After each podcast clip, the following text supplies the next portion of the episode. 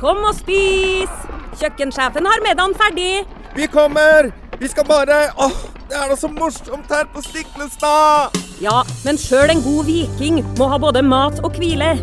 Og dessuten kan dere nå være noen dager. Velkommen til Scandic Stiklestad. Moderne fasiliteter i historiske omgivelser. Det var her det skjedde. Det er her det skjer.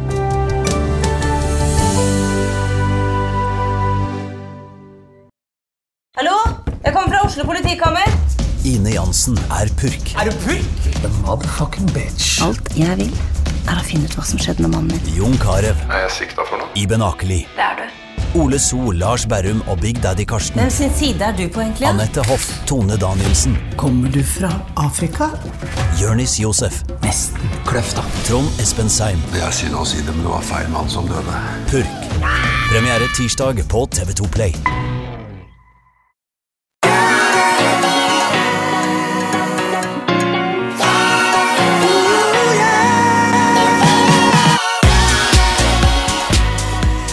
Velkommen til en ny episode av podkasten Hjernesterk. Det, er, eh, det er jo høst nå, da, og det er eh, ganske mye regn fremdeles. Altså. Det, jeg tenker jo, ja, Vi får fylt opp vannmagasinene, så det er bra for strømpriser, men det er jo ikke bra med all den flommen og alt dette her. Alle lidelsene som folket må igjennom, eh, og har vært igjennom. Det er eh, forferdelige greier. Mor natur er eh, litt, eh, virker litt sinna innimellom, um, så vi må passe på at vi har nok trær som kan samle opp eh, vannet. Men dette her er ikke en, en podkast om været, Ole Petter, men det er litt om hva som påvirker formen og humøret vårt. Jeg ser at du skal til Syden nå, med treningsfrue. Det ville kanskje vært noe å melde seg på. Jeg snakka litt med kona mi om det. Hun er veldig glad i sånne treningshappenings og, og, og conventions og greier. Så, så ta med noen venn- venninner og dra dit, da. Er det noe for eh, lytterne våre, tror du? Ja, i avdeling for cellepromotering. Det er helt riktig det. Jeg skal ha en eh, sånn trenings... Kall det treningstur. Aktivitetstur til Fuerteventura siste eh, delen av november. og ja, Siste uken av november så skal vi til Fuerteventura Las Plaitas, som er et sånt fantastisk treningssenter på Kanariøyene. Med godt vær, mange forskjellige typer treningsøkter, sosialt samvær, god mat. Så det er da um, meg selv og treningsfrue Camilla Andersen sammen med Apollo. Så der er det jo veldig flott om folk har lyst til å melde seg på. Jeg har litt tro på Jeg får veldig mye spørsmål fra folk som lurer på altså, hvordan skal vi klare å opprettholde motivasjonen for trening gjennom høsten og vinteren. Og det er litt som du sier, du våkner om morgenen, og så er det ikke lenger lyst, og det er ikke varmt.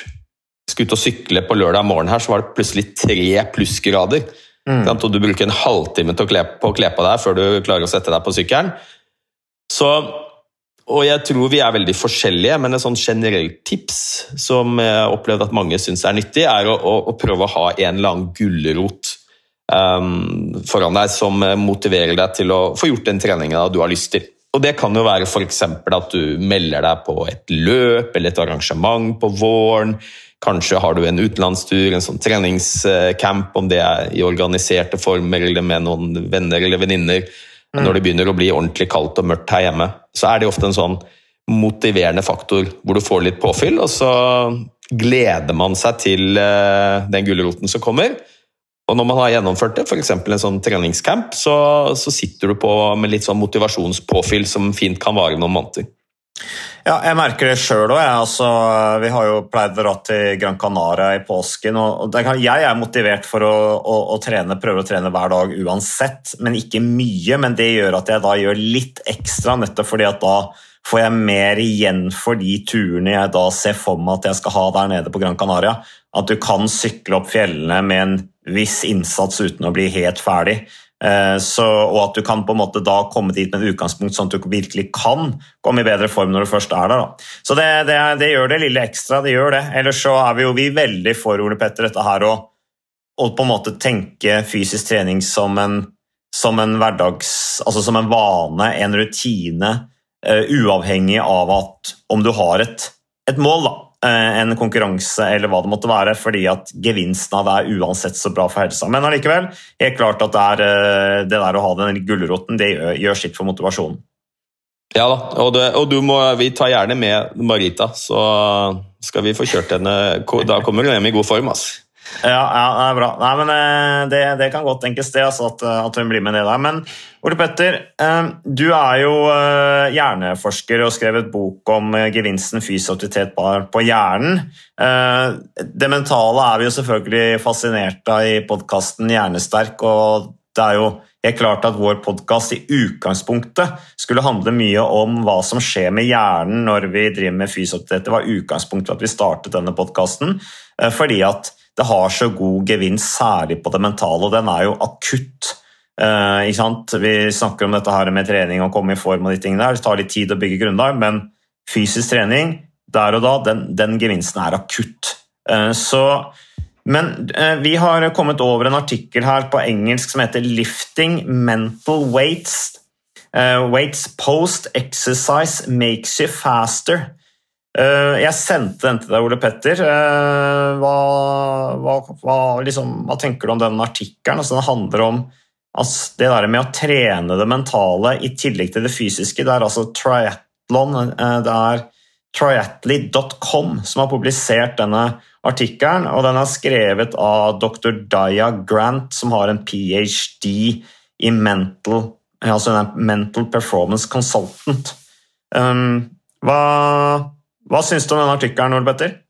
Jo, Den, eh, den syns jeg var fascinerende og spennende. Jeg skal si litt om den. Men aller først, Dette er jo en vitenskapelig artikkel som er publisert i et internasjonalt såkalt fagfellevurdert tidsskrift. Dvs. Si at uh, der kan man ikke bare sende inn noe, det blir vurdert av eksperter for å se om det holder god nok kvalitet til å bli publisert. Og så er det denne nettsiden som beskriver studien. Så det er ikke Triathlon eller nettsiden Nei. som har laget studien, de bare skriver om den. Ja. Dette syns jeg er kult, fordi podkasten vår den har jo i bunn og grunn handlet om at når du beveger kroppen din, så er det bra for hjernen din også. Mm. All, har du god fysisk form, eh, har god kondis, eh, bra med styrke, alle disse tingene som påvirker kroppen, så vil det også styrke hjernen din.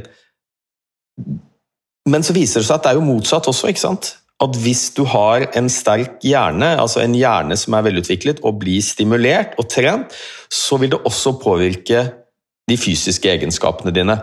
Og Det er jo nettopp det denne studien viser. Da. De viser at hvis du i tillegg til å trene intervaller Dette er jo triatleter som da selvfølgelig sykler, de løper, de svømmer, og trener mye og trener hardt. Um, og, og, Da vet jo du også, som toppidrettsutøver innenfor kondisjonsidrett, så er det jo først og fremst fysisk trening det er snakk om.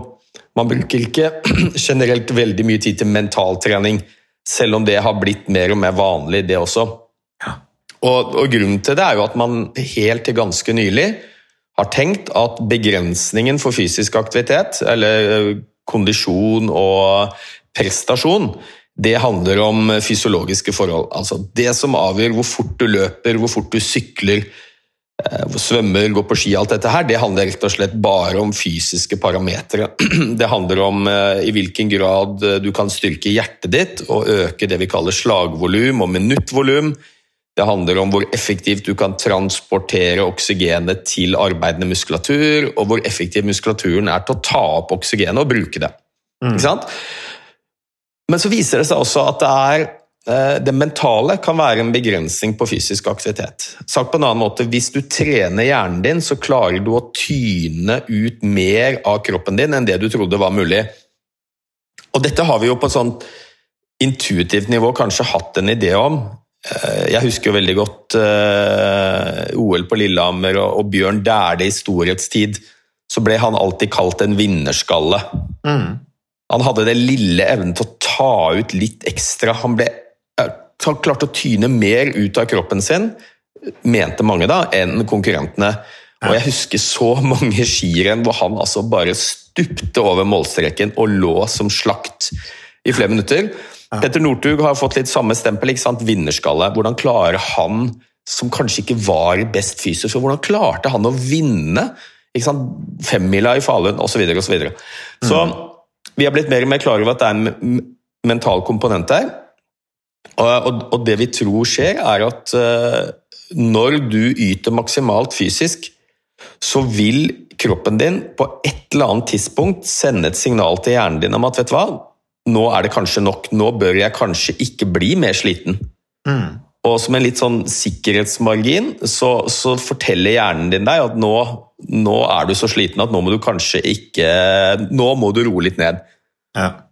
Og det er jo rett og slett den subjektive følelsen av du har i et skirenn eller en sykkelkonkurranse. vet du hva, Nå er jeg så ferdig, jeg aner, jeg aner nesten ikke hvordan jeg skal komme meg til mål. Nei. Sikkert en uh, følelse du har hatt mange ganger. Ja, og det er en Eh, så- læringssak også. ikke? Det, det Ja. en. Altså, jeg merka jo de åra jeg var proff, så ble du, du blir tøffere og tøffere til å sitte og ha det vondt. da. Så Nemlig, det så- handler veldig mye om erfaring også. Ja, så dette kan trenes. Og, og det vi ser, er jo at hvis du bruker kjemiske stoffer til å Kall det lamme disse områdene av hjernen som opplever smerte og ubehaget som det er ved å være helt på felgen og helt maks når du yter maks fysisk, så klarer vi å tyne ut litt ekstra. Eh, og Det er jo eksempler fra sykkel, annet, at hvis du doper deg på sentralnervøse stimulerende midler, amfetamin, kokain, lignende, så, så øker du den fysiske kapasiteten din. Og Det tror man bl.a. skyldes at uh, du bedøver de områdene av hjernen som opplever smerte og ubehag. Ja. Det var en Og lang det, jo, det går jo rett og slett på, og slett på? Jeg snakket med en tidligere proffsyklist om det, som var proff på 80-90-tallet, hvor det var mye bruk av sentralstimulerende midler. Og som han sa også, at det er jo helt latterlig, for dette handler jo bare rett og slett om moral, sa han. Altså god eller dårlig moral i forhold til å, å presse seg. Så han, og, og han beskrev da også sant, situasjoner hvor ryttere åpenbart var rusa på amfetamin underveis i sykkelrittet, og, og syklet jo taktisk som idioter. Sånn at de tok det jo igjen på det, da, fordi at de brukte jo så mye krefter. ikke sant? At de kunne klare å lure til oss. Til slutt så var det jo stopp for dem, for de kjørte jo til de stupte. Eh, Men Ja, ja. problemet var at kreftene var brukt opp før mållinjen. Eh, Og jeg mener selvfølgelig ikke at vi skal ta amfetamin eller kokain for å øke den fysiske kapasiteten. Poenget her er at sannsynligvis så, så er det en mental sperre hos oss som også er en begrensning for hvor fort vi kan løpe, sykle osv. Mm. Um, og så viser det seg at den kan du påvirke ved å Ukas annonsør det er HelloFresh. Og eh, hvis du nå går inn på hellofresh.no og bruker koden 'fresh hjerne', så kan du få opptil 1779 kroner rabatt på da de fem første matkassene dine hvis du ikke har prøvd Hello Fresh enda. Og Ole Petter, vi er jo glad i Hello Fresh i podkasten Hjernesterk, eh, selvfølgelig fordi at de er en annonsør. De er med og bidrar til å spre det glade ordet om fysisk aktivitet og god helse. Men i tillegg så har jo vi også nå lang erfaring med Hello Fresh eh, selv. Så vi må jo si at det har vært gode erfaringer til nå. Ja, absolutt. Visste du, Mats, at HelloFresh det er faktisk verdens ledende matkasseleverandør? Og tilbudene til HelloFresh gjør det enkelt å lage gode og varierte retter som skaper matglede. Og matglede vet du, det er like viktig som hva du putter i munnen. Det å spise mat med folk du trives med. Så gjennom 25 nye og inspirerende retter hver uke så bidrar HelloFresh til dette. Du kan bestille ekstra porsjoner om du får gjester, eller hoppe over uke hvis du f.eks. skal bort. Og Det er ingen bindingstid, og du velger leveringstidspunkt og dag selv, så leverer HelloFresh matkassen din akkurat når det passer deg. Ikke dårlig, Mats. Nei, det er veldig bra. Så, øh, og dette er med enklere hverdag, det kan jeg nå skrive under på. For nå, forrige erfaring vi hadde forrige uke, Ole Petter, det synes jeg var Det var jo et gjennombrudd øh, for familien Kaggestad. For da lagde rett og slett barna De lagde middag og serverte middagen, så den var ferdig laget og servert da når eh, min kone Marita og meg kom hjem fra jobb. Og jeg mener Det var jo bare helt utrolig. Eh, Det var helt fantastisk. Det ble en nydelig middag. Riktignok de, de, de, de roter og søler litt, det gjør de. Så, men, men maten ble veldig god. De var veldig stolte over å kunne ha både laget og servert maten, så det var helt fantastisk. Så vi har jo da i siste så har vi eh, spist eh, bl.a. sitron- og dillstekt hyse med ovnsbakte grønnsaker og aioli.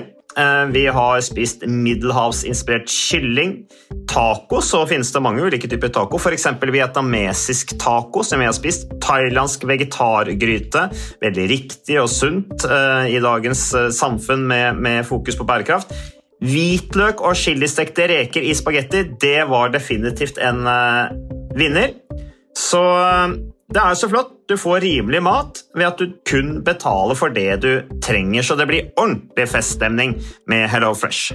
Det gjør det, og nå er det bare for deg å gå inn på hellofresh.no og bruk koden FRESH hjerne'. Da får du opptil 1779 kroner rabatt på de første fem matkassene dine hvis du ikke allerede har prøvd HelloFresh. Du kan også bruke rabattkoden hvis du har stoppet abonnementet ditt for tolv måneder siden eller mer. Er det noe å lure på? Håper maten smaker godt. Bon appétit! Å trene kognitivt, altså kognitive øvelser. Hva betyr det? Jo, det betyr type konsentrasjonsøvelser, oppmerksomhetsøvelser, det betyr hukommelsesoppgaver. Det er på en måte kjernen i det vi kaller kognitive funksjoner. Evnen til å huske, være oppmerksom, motivasjon, kreativitet, alle disse tingene her. Eh, så hvis du gjør i denne studien så de, var det en gruppe som trente eh, fysisk, intervall, vanlig treningsopplegg. I tillegg så hadde de disse kognitive øvelsene de gjorde etter treninga, som er basert på apper og datamaskiner, går ganske kjapt hvor du øver på konsentrasjon, oppmerksomhet, hukommelse osv. Og, eh, og så sammenlignet man det med en gruppe som bare trente fysisk. Og så så man at de som hadde trent disse hjernebaserte øvelsene etter den fysiske treninga, de løp lenger, løp fortere, altså presterte bedre, rett og slett. Mm. Så, så, det er jo et tegn på at eh, hjernen vår er også viktig. Eh, god hjernefunksjon, ha en hjerne som er godt trent, øker fysisk ytelse. Det er litt mm. kult. Så, det, så det, går altså, altså det, går altså, begge veier. Det å ha en eh, kropp med god kondisjon, bra med styrke, balanse, koordinasjon, det påvirker hjernen din veldig positivt. Og det å ha en sterk hjerne som du bruker mye, det påvirker også det fysiske. Så dette er vinn-vinn. vet du. Mm. Men den uh, undersøkelsen hun beskrev her, hun uh, professor uh, dr. Daya Grant, det var vel da Dette her var da øvelser som de gjorde både under trening og etter trening, var det ikke så? Husker du det? Du, det er godt mulig. Så ja. godt leste ikke jeg studien i ja. detalj, altså. Nei. Men poenget var at det var ganske enkle uh, app-baserte øvelser som ikke tar veldig lang tid. Og poenget med det er jo bare å vise at hjernen din, hvor godt den er utviklet og godt trent den er, det påvirker også fysisk yteevne. Mm. Så det er en sånn gjen, gjensidighetsforhold her, da. Mm. Uh, sterk kropp er bra for hjernen, sterk hjerne er bra for kroppen. Mm. Ja, nei, eh, jeg husker jo Tor Husa blant annet. Uh, han var jo også ekstremt til å presse seg. Uh, og, og, jeg husker jeg syklet sykkelløp med han en gang, hvor, hvor, vi satt i sidevinden, og det blåste fra vår venstre side, alle lå på høyre side av veien, på en strek etter hverandre. ingen satt i le for vinden. Det hagla, det regna, og han lå på mitt hjul. Vi lå sånn midt i feltet, og jeg var i ferd med å sprekke og få det. Han så at nå var jeg i ferd med å resignere, og så sa han bare med sin rolige stemme Mats, ikke slipp nå. Og da liksom skjerpa jeg meg lille og klarte å holde hjulet foran meg. Så det er klart at det derre det der mentale, det, det, det, det, har mye å si. Eh, du, du, du, har ofte litt til på lager. Eh, det skal ganske mye til før du, før du stuper. Eh, mm. Og det er veldig godt etterpå å ha ikke gitt seg. Og det øker også stayerevnen din. Det er jo en erfaring som gjør at du, du, tar det med deg neste gang du sitter og sliter og lurer på om du skal gi deg, så har du, har du økt, økt, den toleransen da, for, å, for å ha det vondt. Ja, og det er litt artig dette her, for dette er jo en del evolusjonsbiologer der som lurer på hvorfor er det sånn. Altså, Hvorfor kan ikke bare kroppen gi jernet, og så tyner man ut alt det som er fysisk mulig av den? Hvorfor har vi denne hjernen vår som bremser når vi begynner å komme opp i veldig høy intensitet? Og det evolusjonsbiologene tror, er jo at det er en litt sånn sikkerhetsmekanisme. La oss si at du på savannen løp fra et vilt dyr. Eh, så var det litt viktig at du ikke sprakk Mm. Og gikk på en smell. Eh, at du gikk ut for hardt. At du, det ble for hardt for deg. For da går du over i anarob fase, og så klarer du ikke å produsere nok energi til at musklene klarer å holde farten videre. Så, så man tror kanskje dette er en liten sånn bufferkapasitet som var nyttig å ha på savannen. at du alltid hadde litt ekstra å gå på. At hjernen din bremsa deg litt så du ikke skulle risikere å gå på en eh, smell. Som kunne være livreddende på savannen. Mm. Men som sikkert hadde vært litt kult å hente ut i dag. Eh, på toppen av Tourmalet eller eh, Alpe d'Huez eller i Tour de Ja, og, France. der, og i, I sykkel så snakker man sant, på engelsk pacing strategy. da. At den er ekstremt viktig, og det er noe de planlegger veldig nøye. og Nå har de jo egne konsulenter og, og, og, og eh, altså, folk som, som er inne der og lager planer for rytterne. På det særlig dette med da, Det er jo disponering av krefter da, underveis i f.eks. temporitt i forhold til denne wattbelastningen som de har på en måler på sykkelen som måler kraften ned i pedalene. Og at de da lager strategier fra når de skal ligge på de ulike wattbelastningene, sånn at de skal komme til mål og ha brukt alt akkurat når de er i mål. Og Det er, eh, det er veldig fascinerende. eh, og der, der, og det, det, det, handler veldig mye om bevissthet da, og kunnskap, erfaring, eh, og også selvfølgelig eh, nå bruk av teknologi for å kunne finne den grensa og få ut alt. Altså må du selvfølgelig også være i form, sånn at du orker å gjennomføre det. For hvis ikke du er i form, så, så stopper jo opp før. Altså Da klarer du ikke å komme opp i den prosenten av maksimal kapasitet. Ja da, ikke sant? Og, og nå er vi jo over på noe som jeg syns er litt fascinerende. Dette er jo kanskje ikke så viktig rent folkehelsemessig, og det er litt akademisk, men det er jo eh, for å- maksimal fysisk yteevne, eh, uansett om det er løping eller sykling eller svømming, eller hva det nå er for noe, så er det jo liksom dette med mar marginal gains. Det er så utrolig mange faktorer som påvirker prestasjonsevnen din. Eh, annet enn det som er helt åpenbart, intervaller og trening og sånn. Det er søvn, det er kosthold, det er sosiale relasjoner, hvordan har du det? Har du kjærlighetssorg, eller er du i godt humør og har det bra med partneren din? Altså Alle disse tingene påvirker jo fysisk yteevne. Eh, og det kan være mot, luftmotstand, og det vet jo du alt om i sykling, hvor man sitter i vindtunneler og sjekker sittestilling, og eh, hvordan drakten din skal ha. Den skal ha disse golfballmønstre på drakten. og som kan virke bare som sånn flisespikk og, og, og sånt, men det er jo, jeg, jeg, jeg syns jo det er fascinerende. Og bitte, bitte små forbedringer på mange forskjellige områder blir til slutt ganske mye, det. Ja, og det er jo derfor også Team Sky, sant, som var på en måte første virkelig moderne sykkellaget som kom inn i sykkelsporten, eh, de hadde jo 1% som en sånn kjerneverdi. Altså hvis alle blir 1 bedre, eh, hvis du blir 1% bedre, hvis alle i organisasjonen blir 1 bedre, så, så løfter hele laget seg. Eh, Så, så det er, og det er, det er veldig mange som jeg, jeg opplever at veldig mange, særlig toppidrettsutøvere, og jeg syns særlig i fotball, at fotball har hatt en veldig stor utvikling når det gjelder dette her med prestasjonsutvikling. Før ble jo fotball sett på som litt sånn old school, det ble sett på som litt sånn folk som ikke trente. Var mange toppidrettsutøvere som mente de ikke var toppidrettsutøvere, men de beste fotballspillerne i dag jobber ekstremt hardt med helhet. Eh, Og i forhold til dette her med type sånne fotballøvelser, hvor man har sånn impulskontroll, eh, sånne ting som stimulerer eh, impulsene dine veldig. Altså, det er ganske rått altså, hvordan de store lagene i dag jobber med, med de beste spillerne. Ja, ja, og det er jo blitt eh, et sånn kvantesprang for fotballen. Jeg spilte fotball da jeg var ung, og da husker jeg som fotballspiller, da var du litt sånn bohem. da. Du, du trente, du spilte fotball, og så var du ute og drakk på kvelden. Eh, og noen av disse største fotballstjernene ble jo nærmest mer berømte for hva de gjorde utenfor banen enn på banen. George Best eh, tilbake på 70-80-tallet og Paul, Gasca, Paul Gascoigne, var, som var, nå sikkert var mer full enn han var edru. Um, Men nå ser vi jo at fotballagene er jo blitt mye mye mer seriøse. De, det er ikke bare fotball det er snakk om, det er snakk om kondisjonstrening, det er snakk om kosthold, mentaløvelse. Erling Braut Haaland er vel helt rå på veldig mange av de tingene utenfor fotballen som han er veldig opptatt av for å prestere maksimalt når han spiller. Mm. Uh, og så hører du med, da, sant, særlig med fotball og de tingene der, altså veldig mye lek får du jo trent opp veldig mye av dette her. ikke sant? For eksempel det der å stå og trikse. Stå og skyte i veggen, bruke sånn rebounder sånn at ballen spretter tilbake. ikke sant?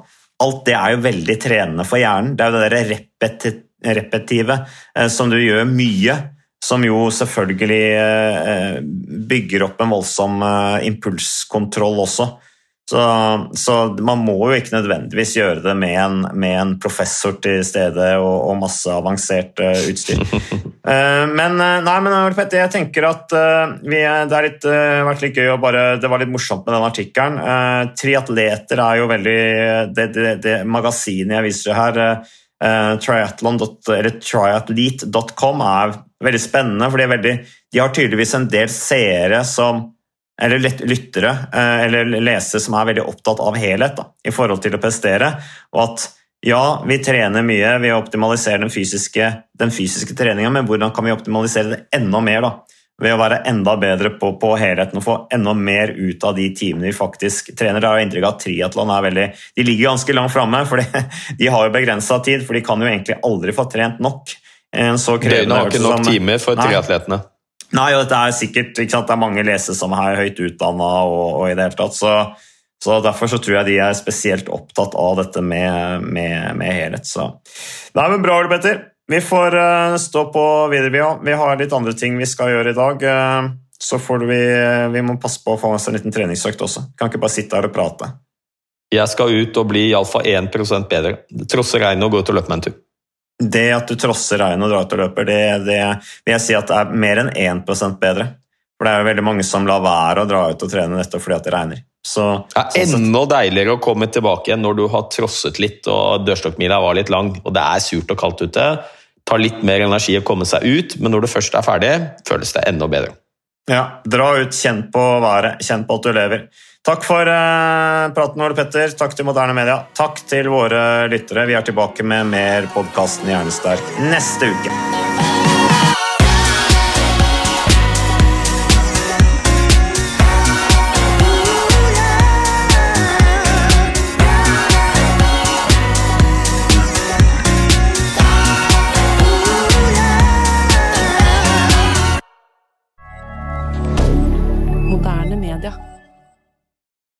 Har du et enkeltpersonforetak eller en liten bedrift? Da er du sikkert lei av å høre meg snakke om hvor enkelt det er med kvitteringer og bilag i fiken, så vi eh, gir oss her, vi. Fordi vi liker enkelt. Fiken superenkelt regnskap.